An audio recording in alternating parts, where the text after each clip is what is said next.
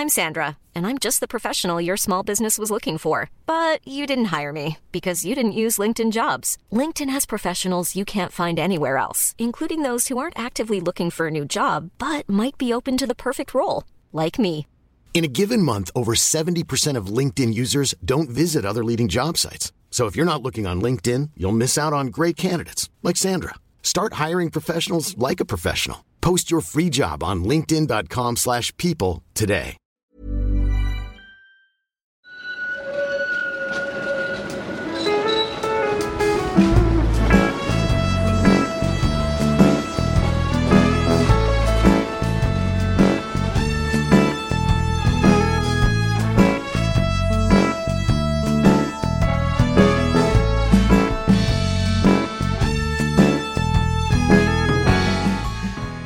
Hej och välkomna till Gator och torg i Göteborg, säsong 2. Eh, dels med en ny röst, men som vanligt så har vi såklart med Mattias Axelsson, Göteborgskännare, expert och min kollega. Hej Daniel. Tja. Din röst är ju däremot ny för lyssnare av podden här inför säsong två. Mm. Kan du kort berätta, vem är du? Vem är jag? Jag började med att säga lite att du är min kollega. Dels så driver ju du och jag Reostat Media tillsammans. Mm.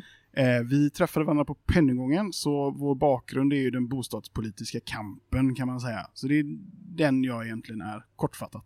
Så nu under säsong två så kommer du vara en av flera programledare, eller den kanske mest frekvent förekommande programledaren i Gator och torg i Göteborg. Jag kommer vara den som väl är lite grann ankaret, den som följer med genom hela säsongen när vi pratar om olika platser i Göteborg. Det kan ju vara bra att experten hänger med på alla ställen. Ja, jag tänker ju ändå att det är rimligt. Ja. Och nu inför säsong två så vill vi passa på att säga att vi numera har en Patreon-sida Mm. för er som vill komma in och stötta podden. Mm. Och då hittar ni den på patreon.com snedstreck gator och torg i Göteborg. En lång Mm. och krånglig adress, men det finns en länk till Patreon-sidan i avsnittsbeskrivningen. Och det beror helt enkelt på att eh, Reostat Media som ni vet ändå producerar nu har tagit över hela produktionen. Ja, precis. Så därför så vore vi jättetacksamma om så många som möjligt gick in och stöttade podden så att vi kan fortsätta göra många roliga avsnitt. Och blir du månadsgivare på patreon.com gatortorg i Göteborg så kommer du få massa smaskigt extra material. Vi vet inte exakt riktigt vad det blir än, men eh, det kommer att ligga extra ljudklipp och kanske lite texter, eventuellt lite filmer också. Och när du sprider den adressen till dina kompisar så kommer du också lära dig att artikulera ordentligt. Pa- Patreon.com gator och torg i Göteborg. Patreon.com gator och torg i Göteborg. Var det klart nog? Nu känner jag att vi har eh, Vi, upps- vi, många gånger. vi uppsnackade och klara så att vi ska ta oss an dagens avsnitt kanske. Så var är vi någonstans? Ja, eh, vi sitter väl i Villa Bellpark som ligger i Slottsskogen. Så Mm. dagens tema är jag ganska säker på är Slottsskogen och allt som har med det, den platsen att göra. Ja, vi sitter mycket riktigt i Slottsskogen, eller Slottsskogsparken, som det Mm. officiella namnet på den här platsen är. Och vi tittar ut ifrån Villa Bell Parks vackra funkisbyggnad, så tittar vi ut över Stora dammen, där det finns ett antal fåglar som simmar runt i vattnet. Och nu har du ju berättat lite om platsen som vi är vid sådär, men den har ju ett specifikt namn, Slottsskogen. Hur kommer det sig? För jag ser inga slott här. Nej, det finns ju en sån här klassisk Göteborgsvits som är berättad väldigt många gånger, men som jag tänker ändå har sin plats i den här podden. Och det handlar ju om Karl då givetvis, som ligger här i Slottsskogsparken och solar och så kommer en stockholmare förbi och frågar just det här. Varför, eh, jag ser inga slott här, varför heter den här platsen inte Slottsskogen? Och Karl tittar åt norr och åt söder, åt öster och väster och kan inte visa på något slott, men säger då till stockholmaren, ja, det är gräset som är slott. Och eh, den kan man ju tycka vad man vill om den vitsen. Och det är ju inte därför som Slottsskogen heter Slottsskogen. Utan det, Besvikelsen. utan det är ju faktiskt ett eh, slott på riktigt. Nämligen Älvsborgs slott. Som vi har berört vid ett antal tillfällen tidigare i den här podden och kommer beröra senare i avsnitt under hösten. För jag tror att vi tänker att vi ska göra avsnitt om de olika Älvsborgs fästning på Mm. olika sätt. För det finns ju en del begreppsförvirring här som kan vara värd att reda ut väldigt kort. För när jag säger Älvsborgs slott så är det det som man oftare tror jag refererar till som Gamla Älvsborg eller Gamla Älvsborgs fästning. Och det är ju det slott eller den fästning som byggdes vid Göta älvs utlopp någon gång under 1300-talet. Och den För... var bara ett försvarsverk eller? Ja, det var huvudsakligen det som den fästningen var till för. För under 1200-talet så hade ju den här delen av västkusten hamnat i svenska händer. Vi hade ju Halland söder om som var danskt och Norge norr om som är, eh, Bohuslän norr om som är norskt. Mm. Vilket gör att det här är liksom den enda delen av västkusten som svenskarna har för att liksom bedriva handel västerut. Och för att försvara den här lilla, lilla delen av älven så bygger man då under 1300-talet Älvsborgs slott. Och det är ett slott eller en fästning som får stå någonstans fram till 1660-talet. Men, men det finns alltså ingen sån här regel om att för att det ska vara ett slott så måste man bo där? Det kan vara ett slott även om det bara är Jag tror inte att man egentligen rent definitionsmässigt ska klassa Älvsborgs slott som ett slott utan som en fästning. Men det går både under namnet Älvsborgs slott och Gamla Älvsborg, eller Gamla Älvsborgs fästning. Och går man upp på eh, det berget som ligger bakom Waterfront Hotel, alltså vid Älvsborgsbrons södra brofäste, måste det väl bli, så finns det ju lämningar, men då är inte det från det gamla Älvsborg, utan det är från ett äldre renässansslott, eller nyare blir det väl, renässansslott från någonstans 1500-talet. Det är de lämningarna som finns lite grann kvar uppe på eh, klippan och det bränns ju sen av danskarna, eller belägras av danskarna under Kalmarkriget i början på 1600-talet. Men i alla fall, det är det här slottet från 1300-talet som ger namn till det här området som vi idag kallar Slottsskogen.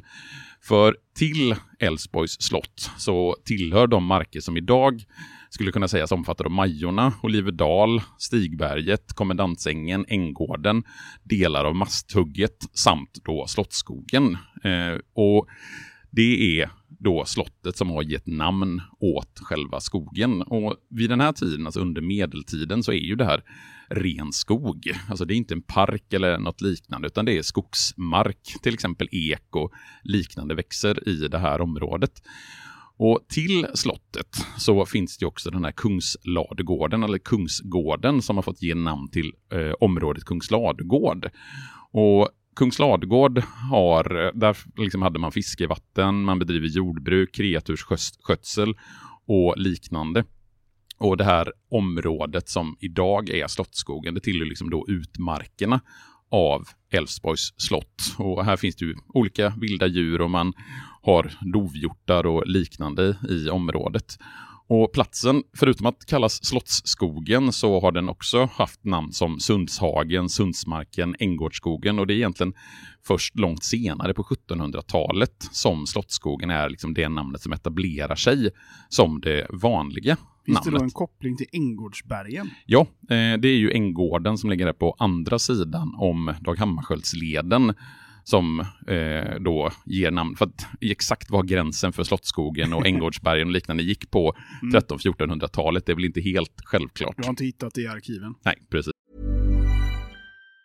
If you thought the only way to get a more defined jawline with natural looking results was through surgery, think again. Juvederm Volux XC is a non surgical injectable gel filler that improves moderate to severe loss of jawline definition and can help you achieve natural looking results with little downtime. Even better, this improved definition lasts up to one year with optimal treatment. No maintenance required. Improve jawline definition for a smooth, sculpted look with Juvederm Volux XC. For important safety information and to find a licensed specialist, visit juvederm.com. That's J U V E D E R M.com. Not for people with severe allergic reactions, allergies to lidocaine, or the proteins used in Juvederm. Common side effects include injection site redness, swelling, pain, tenderness, firmness, lumps, bumps, bruising, discoloration, or itching. There's a risk of unintentional injection into a blood vessel, which can cause vision abnormalities, blindness, stroke, temporary scabs, or scarring. Talk to a licensed specialist specialist to find out if it's right for you. I'm Sandra, and I'm just the professional your small business was looking for. But you didn't hire me because you didn't use LinkedIn jobs. LinkedIn has professionals you can't find anywhere else, including those who aren't actively looking for a new job but might be open to the perfect role,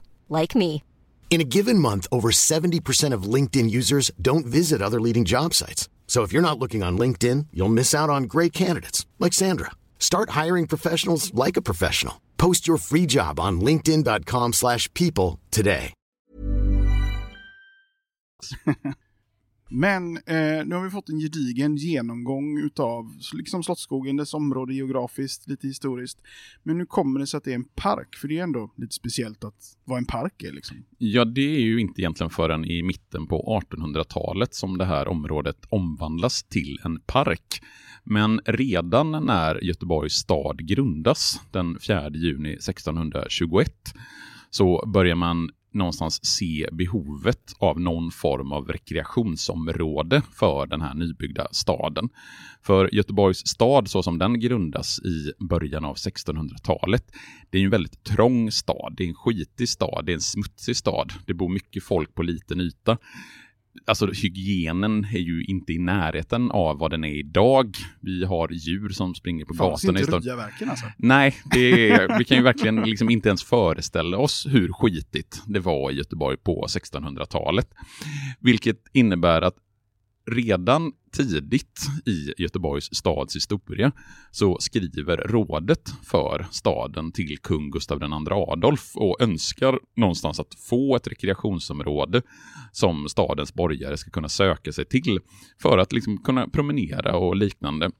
Och då svarar kung Gustav II Adolf 1624 till rådet. Eh, han skriver i ett brev, så som av borgerskapet begäres att de må efterlåtas med deras hustrur och barn om sommartid förlusta sig ut i Änggårdens skog, så vill hans kungliga majestät om sådant icke förment hava, allenast de icke, där hugga ner skogen och fälla djur eller bruka någon annan motvillighet.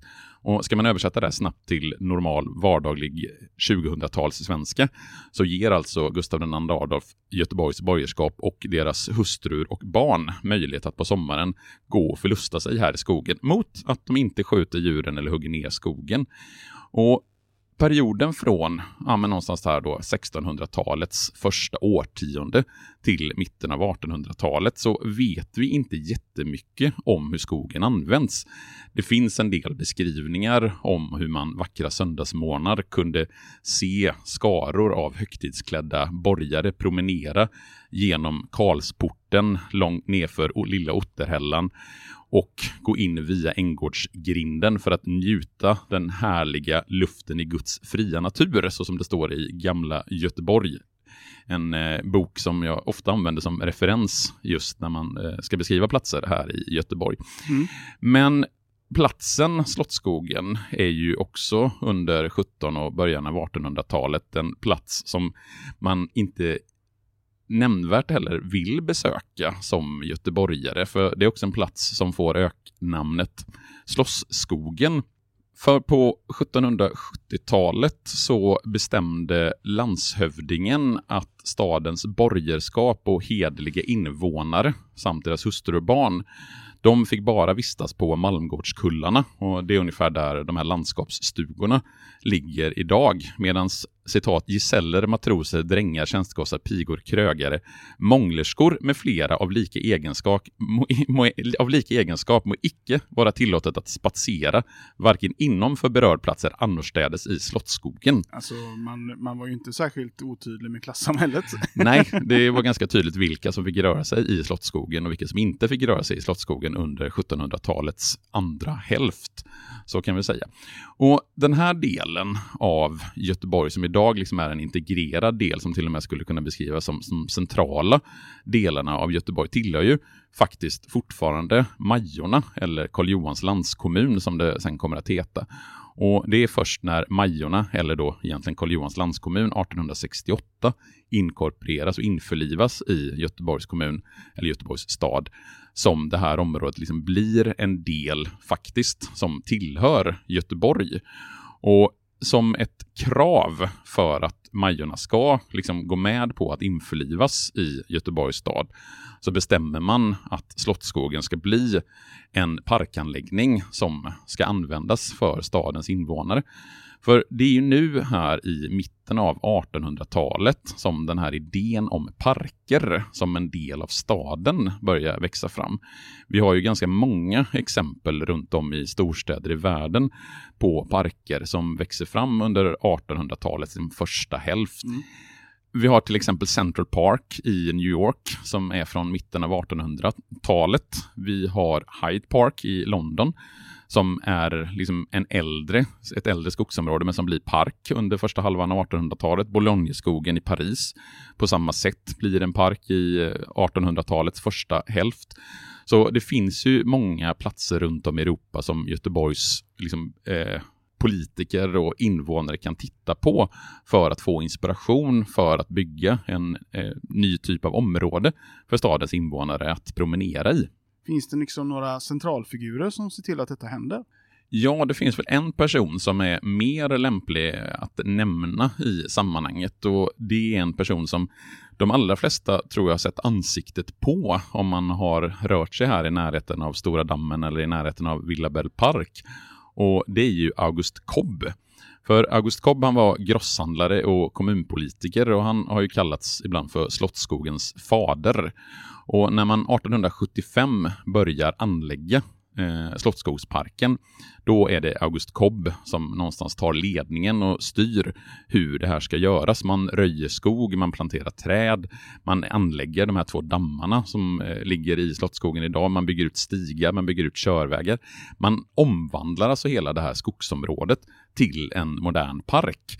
Och 1876 så öppnar Slottsskogen för allmänheten. Då finns det möjlighet för Göteborgs invånare att komma till Slottsskogen och promenera i Slottsskogen. Och redan tidigt under slutet av 1800-talet och fram kring sekelskiftet så bygger man och utökar Slottsskogens verksamhet. Man bygger restauranger, man bygger vaktstugor, man bygger friluftsteater, man bygger danslokaler.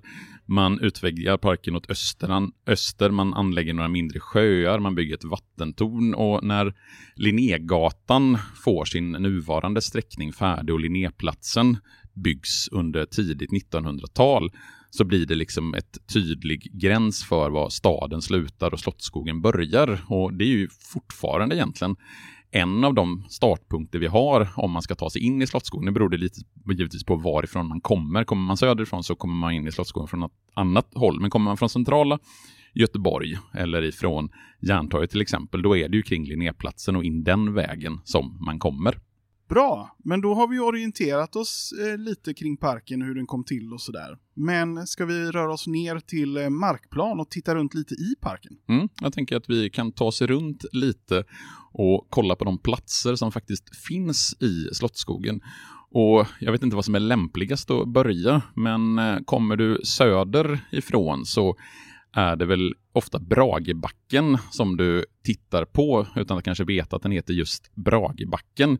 Och Bragebacken den ligger ju mot Slottsskogsvallen till. Och idag är den ju mest känd för att vara en pulkabacke. De få vintrar som vi har snö här i Göteborg numera. Och Det är också ett populärt ställe att börja frisbeegolfen. Eh, om man kör frisbeegolfbanan som går runt i Slottsskogen så ligger den vid Bragebackens eh, vad säger man, början eller slut, beroende på vilken Men ordning. vad var Bragebacken? Ja, från början när den invigs i början på 1900-talet, då är det en backhoppningsbacke. Och den invigs den 1 mars 1902 och då har vi några av Norges bästa backhoppare. Nor är det, var de lite då i backhoppning som de är i skidor idag? Eller? Ja, alltså Norge var liksom essen, de var eliten vad det gäller backhoppning i början på 1900-talet. Mm. Sen byggs Bragebacken i samband med jubileumsutställningen 1923 om och till, för vi har ju väldigt mycket i Göteborg, jag tror vi kommer återkomma till det ganska mycket under hösten. Väldigt mycket av det som är byggt i Göteborg Göteborg. Det och, och 1923, ju... det är 300-årsjubileet va? Ja, det är det försenade 300-årsjubileet. Ja, det blir två år försenat på grund av eh, ekonomisk kris och första världskrig och liknande. Så, där att så det var ingen pandemi då? Ja, det, vi hade ju spanska sjukan i och för sig, så att det fanns ju en liten pandemi med i bakgrunden. Så det här att skjuta upp jubileum, det är ju ingenting som är unikt för 2000-talet på något sätt. Men när Bragabacken då byggs om i början på 1920-talet till jubileumsutställningen, då bygger man de här två läktarna som är utformade av granitblock som du fortfarande kan se om du går allra längst upp i Bragebacken så finns de här två granitblocksläktarna kvar på sidorna av Bragebacken. Sen används Bragebacken som backhoppningsbana fram till åtminstone 1970-talet. Jag har inte hittat exakt när den sista tävlingen i Bragebacken, men jag har hittat exempel på resultatlistor från backhoppningstävlingar i Bragebacken på 1970-talet. Sen så finns det också väldigt mycket tidningsartiklar om hur olika backhoppstävlingar ställs in för att det är brist på snö och liknande i Göteborg under egentligen hela 1900-talet. Har det någonsin varit snö här? Ja, det kan man ju verkligen fråga sig. En annan sak som eh, finns med och kanske pratar om det är det som kallas för bögbacken. Vad, vad är det och varför finns det? Liksom? Ja, alltså bögbacken det är ju ett eh, öknamn eller ett smeknamn beroende på hur man ser på det kring just Bragebacken. Och Tittar man och läser på om Bragebacken så ser man i, det finns ganska mycket artiklar kring det här, hur området kring just Bragebacken och parkeringen nedanför Bragebacken har varit en mötesplats under ganska lång tid för homosexuella män i Göteborg, där man träffas och har tillfälliga sexuella förbindelser. Och när den här frisbeegolfbanan invigs i början, eller mitten av 00-talet, jag att det är 2006, som den invigs. Då finns det ganska mycket artiklar i lokaltidningspressen om hur eh, frisbeegolfspelare och homosexuella män som kopulerar i buskarna någonstans krockar med varandra. Och det blir en diskussion om vem som har rätt till platsen. Men fan egentligen. var det som kastade? Ja, men för att ta en YouTube-referens i, i sammanhanget. Och jag vet inte om det här liksom går att härleda till den anekdotiska bevisföringens hylla, men jag vet att när jag promenerade på det berget som ligger precis söder om Bragebacken, alltså på andra sidan om vägen eh, vid tillfälle, för bara något år sedan eller två, så sprang jag också på två män som idkade sexuell aktivitet. Så jag vet inte om den typen av umgänge har flyttat i och med att frisbeegolfen har tagit över Bragebacken. Men just det här att den kallas för bögbacken, det hänger helt enkelt ihop med att det har varit en plats för homosexuella män i Göteborg att träffas och idka eh, tillfälliga sexuella förbindelser. En annan sak som jag är nyfiken på är när djuren kommer in i, i det hela. Ja, alltså djur har det ju egentligen funnits i Slottsskogen ända från början, alltså när det här var en vild skog så fanns det ju givetvis djur. Men när det blir en djurpark, det är ju först under 1900-talet. Och går du in i Slottsskogen idag och Det här är ju intressant, för jämför du med andra djurparker runt om i Sverige så är det här en djurpark som är alldeles gratis att gå i. Du kan titta på djuren utan att betala en enda spänn, vilket jag uppskattar starkt. Och Går du i Slottsskogen idag så kan du dels se påfåglar och gäss och pingviner och hängbruksvin och knubbsälar och skogsrenar och dovhjortar och älgar. Det finns äldre lantraser av djur som har funnits i Sverige tidigare på bondgårdar som dalapälsfår, gotlandskaniner, gotlandsrusk, gutefår, jämtgetar, mellerudskaniner, orusthönor, skånegåsar, svarthönor, ölandsgäss och så vidare. Och så vidare. Så kan du bara gå in på Slottsskogens hemsida så står det säkert. Jag tycker bara att jag ville rabbla upp alla fantastiska djur som finns i den här parken och i den här skogen. För det it was speciellt, man tänker kanske inte alltid på det, just att Slottsskogen faktiskt också är en djurpark. Mm. Att du faktiskt kan gå hit och titta på, det är inte så att du kan titta på elefanter och lejon, då får du gå till Naturhistoriska och titta på de uppstoppade djuren.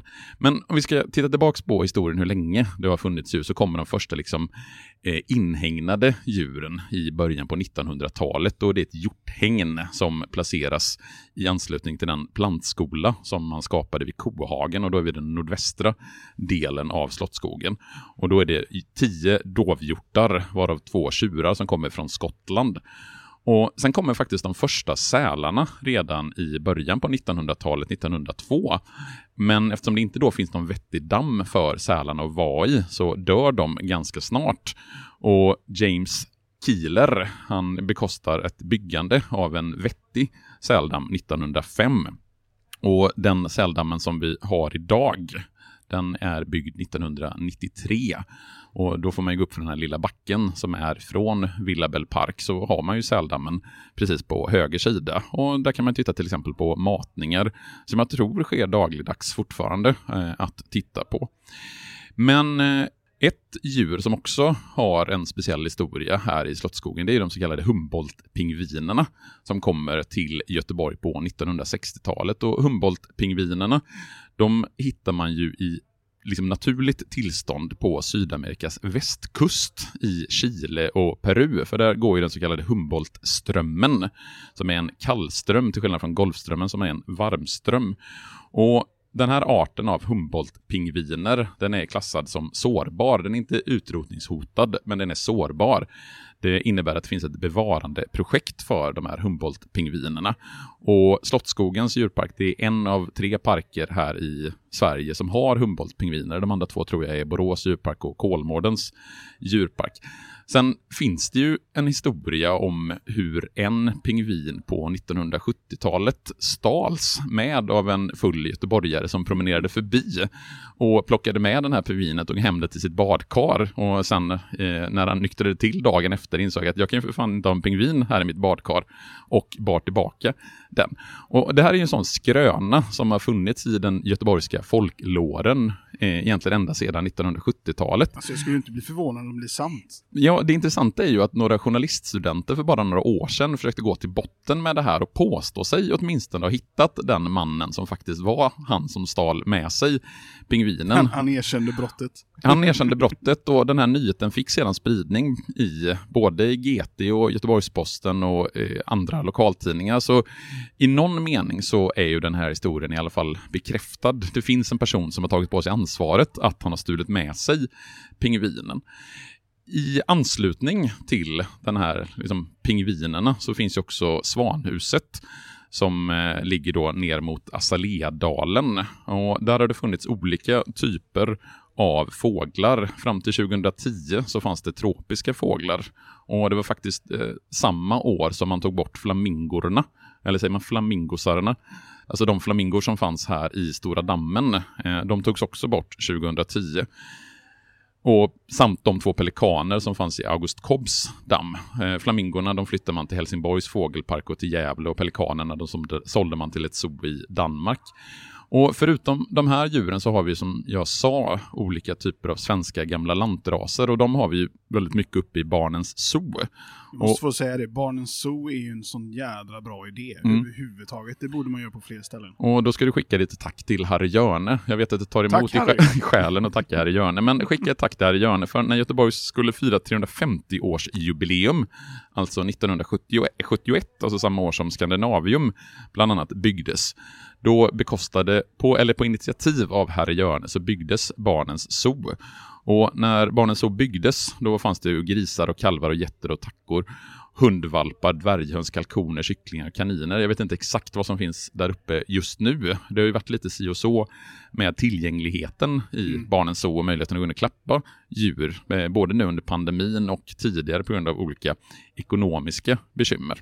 Och sen så kan du väl ta lite kort om landskapsstugorna, för det kommer ju bli ett lite special om det på Patreon sen. Ja, vi kommer på patreon.com snedstreck gator och torg i Göteborg lägga upp lite special just om de här landskapsstugorna som ju ligger på Malmgårdskullen, tror jag den kullen heter. Eh, och jag tror att det är fyra olika landskapsstugor vi har. Vi har Smålandsstugan, Dalslandsstugan, Hallandsgården och Gräfsnäsgården. Sen fanns det planer på att man skulle ta hit en finstuga och en Skånegård.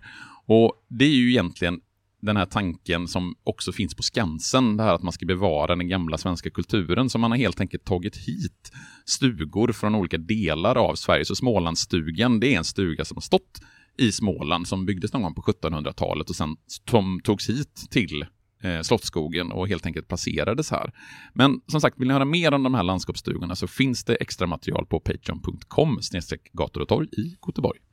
Och nu tänkte jag gå raskt vidare till någonting som verkar vara ett genomgående tema för mänskligheten. Och det är ju det här med att ha platser att dricka alkohol på och äta på. Restauranger finns det ju några stycken i Slottsskogen. Ja, vi sitter ju på en av de restaurangerna. Hoppas att snart få in lite mat här på Villabel Park. Och Villabel Park, det är ju en restaurang som har funnits från egentligen Slottsskogens början i någon mening. Men om man ska backa ännu längre tillbaka så har vi faktiskt eh, belägg för att det har funnits serveringar redan i slutet på 1700-talet. För då fanns det en bord för servering om lemonad, mandelmjölk och viner. Och jag tror inte att det var någon ren restaurang, men du kunde åtminstone köpa alkohol redan i slutet på 1700-talet i Slottsskogen. Sen de restauranger som tydligast är förknippade med Slottsskogen, alltså sen Slottsskogen blir en park, det är ju restauranger som byggs vid sekelskiftet 1900. Och då har vi dels den stora restaurangen, alltså det som idag kallas Björngårdsvillan. Och Björngårdsvillan har ju fått sitt namn efter de björnar som kom till Slottsskogen 1902. Eh, och det har funnits björnar i Slottsskogen i ungefär 30 år. De sista björnarna avlivades 1928 och sedan 1931. Men namnet Björngårdsvillan på den här stora restaurangen, det lever ju fortfarande kvar. Sen hade vi en restaurang som kallades för Pripska villan eller Malmgårdsrestaurangen. Och den byggdes för Göteborgsutställningen 1891 på Heden. Och den restaurangen, den låg alltså där Gräfsnäsgården ligger idag ungefär. Och den fanns fram till 1930-talet. Men den restaurang som kanske mest förknippas med Slottsskogen, det är ju den restaurang vi sitter på idag, nämligen Villa Belle Park.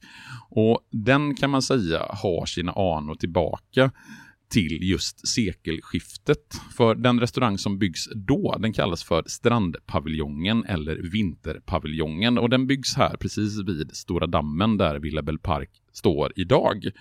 Och Det var en träbyggnad som byggd i nationalromantisk sekelskiftsstil. Och Den som har någon som helst koll på arkitekturstilar inser ju att den byggnad som står här idag, det är inte en träbyggnad byggd i nationalromantisk sekelskiftsstil. Utan den byggnaden som står här idag, det är en byggnad som byggs på 1930-talet och det är faktiskt ett av de första Göteborgshusen som byggs i ren funkisstil i sten i två våningar med nästan helt plana tak, slätputsade, ljusa fasader utan dekor. Och bakgrunden till den här restaurangen och liksom historien bakom Villa Bell Park det var att 1909 så infördes ett fullt spritförbud i hela Slottsskogen. För ibland så brukar man dela in Slottsskogens restauranghistoria i tiden före och tiden efter 1909. Före 1909 så fick man dricka sprit, efter 1909 så fick man inte dricka sprit. För vi hade en ganska stark nykterhetsrörelse i Sverige i början av 1900-talet. Vi hade ett ganska ordentligt superi i Sverige under slutet av 18 början på 1900-talet. Och man får ändå säga att idag har vi en stark tradition av ett rejält superi i Slottsskogen. Ja, är det idag? Ja, jag tänker att vi, vi kommer dit alldeles Okay. strax. Mm. Jag ska bara beta av hur Vita bandet, den kvinnliga nykterhetsrörelsen, i januari 1909 tog över vinterpaviljongen just efter det här beslutet om att all sprit skulle förbjudas i Slottsskogen. Och Vita bandet var ju det namnet som den här restaurangen hade egentligen hela vägen fram till 1980-talet. Och förknippades väldigt tydligt med nykterhetsrörelsen. Och både nykterhetsrörelsen och arbetarrörelsen har ju haft eh, möten och liknande i just de här lokalerna. Och sen på 1930-talet så byggs huset om, eller man river det gamla huset och bygger ett helt nytt. Och då är det funkishuset som står här idag. Sen 1985 så tas restaurangen över av krögaren Thomas Petersen och det är då restaurangen börjar sälja alkohol och blir en eh, mer klassisk restaurang också får namnet Villa Belle Park. Och precis som du sa, så idag så är ju Slottsskogen, det kanske inte är främst förknippad, men i mycket förknippad med fylleri och superi. I alla fall när man är ung. Ja, och Slottsskogen är ju en av få platser, offentliga platser, där det faktiskt är tillåtet att dricka alkohol. Om du har liksom rätt ålder inne, givetvis. Eh, för på de flesta offentliga platser i städer så får du ju faktiskt inte dricka alkohol. Men det finns ju ett antal undantag och Slottsskogsparken är ett sånt undantag. Så du får, utan att begå några lagbrott, ta med dig en flaska vin eller några öl och sätta dig eh, på en eh, gräsplätt här i Slottsskogen och korka upp den, eh, ta en picknick, dricka ett glas vin, ta ett glas öl utan att för den skull bryta mot lagen. Och nu när vi vet att det är liksom lagligt att dricka sprit och annat i Slottsskogen, eh, då har väl inte polisen så mycket här att göra, eller? Ja, polisen frekventerar ju området ganska ordentligt och vi har ju faktiskt ett litet hus som minner om forna dagars polisarbete i området, nämligen polisvakten som ligger alldeles i anslutning till de här landskapsstugorna. Om man kommer från Slottsskogen norrifrån, alltså från Linnéplatsen, så passerar man och har på vänster sida en liten byggnad som är alltså ett gammalt polishus. Och i början av förra seklet så användes det här polishuset just till ett polishus. Det fanns bland annat två arrester i det här polishuset som användes hela vägen fram till 1930-talet. Och det var då arrester dit man kunde sätta, där man kunde sätta folk som greps för fylleri. Och där fick de helt enkelt sitta och sova ruset av sig. Numera så fungerar inte det här som någon form av polishus utan det finns ett litet polismuseum i polishuset. Eh, jag vet inte vilka öppettider de har, det finns säkert att hitta på någon hemsida eller liknande. Det är ett eh, mysigt litet hus som man kan passera och titta Vi på slänger upp åtminstone. det i våra sociala medier Det också. gör vi definitivt. För att vi vill absolut främja museiverksamhet. Det vill vi definitivt göra. Ja, och eh, jag tror att vi har pratat igenom nästan allt som går att säga om Slottsskogen nu. Det finns jättemycket mer att säga men eh, tiden har runnit ifrån oss. ja, det har den också. Så jag tänker att det är läge att runda av. Säga att eh, podden finns på Instagram, heter den Gator och torg i Göteborg. Vi lägger upp lite bilder, gamla bilder framförallt från Slottsskogen i det här fallet. Men det finns också avsnittsbilder från tidigare platser som Liseberg och Brännö och Hovås golfbana och liknande. Och sen eh, så vill vi såklart återigen påminna om eh, patreon.com slash eh, gator och torg i Göteborg. Gå in där och bli månadsgivare så får ni massa smaskigt extra material. Massa smaskigt extra material. Men därmed så har vi väl kommit till slutet utav gator och torg denna gången. Jag tycker det. Och Ja. så hörs vi igen om en... Har vi en teaser om vad som händer nästa gång? Ja, då kommer vi ta oss eh, till andra änden av centrum och eh, till en betydligt längre gata. Den kanske längsta gatan som vi har pratat om, det kan jag inte ta gift på, men det är en gata som är 800 meter lång i alla fall. Drygt. Så folk kan ju få i sociala medier gissa om vart vi kommer landa den gången. Yes, gå in och Men skriv. eh, fram tills dess, ha det gött så hörs vi nästa gång. Tjingeling! Hej då!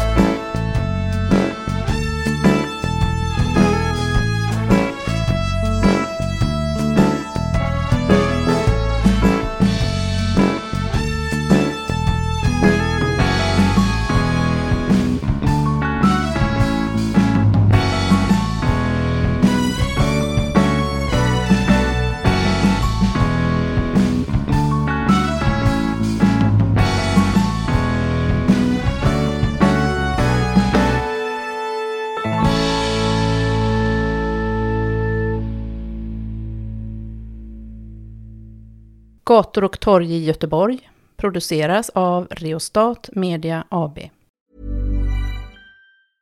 Planning for your next trip? Elevate your travel style with Quince. Quince has all the jet setting essentials you'll want for your next getaway, like European linen, premium luggage options, buttery soft Italian leather bags, and so much more. And is all priced at 50 to 80% less than similar brands. Plus, Quince only works with factories that use safe and ethical manufacturing practices. Pack your bags with high-quality essentials you'll be wearing for vacations to come with Quince. Go to quince.com slash pack for free shipping and 365-day returns.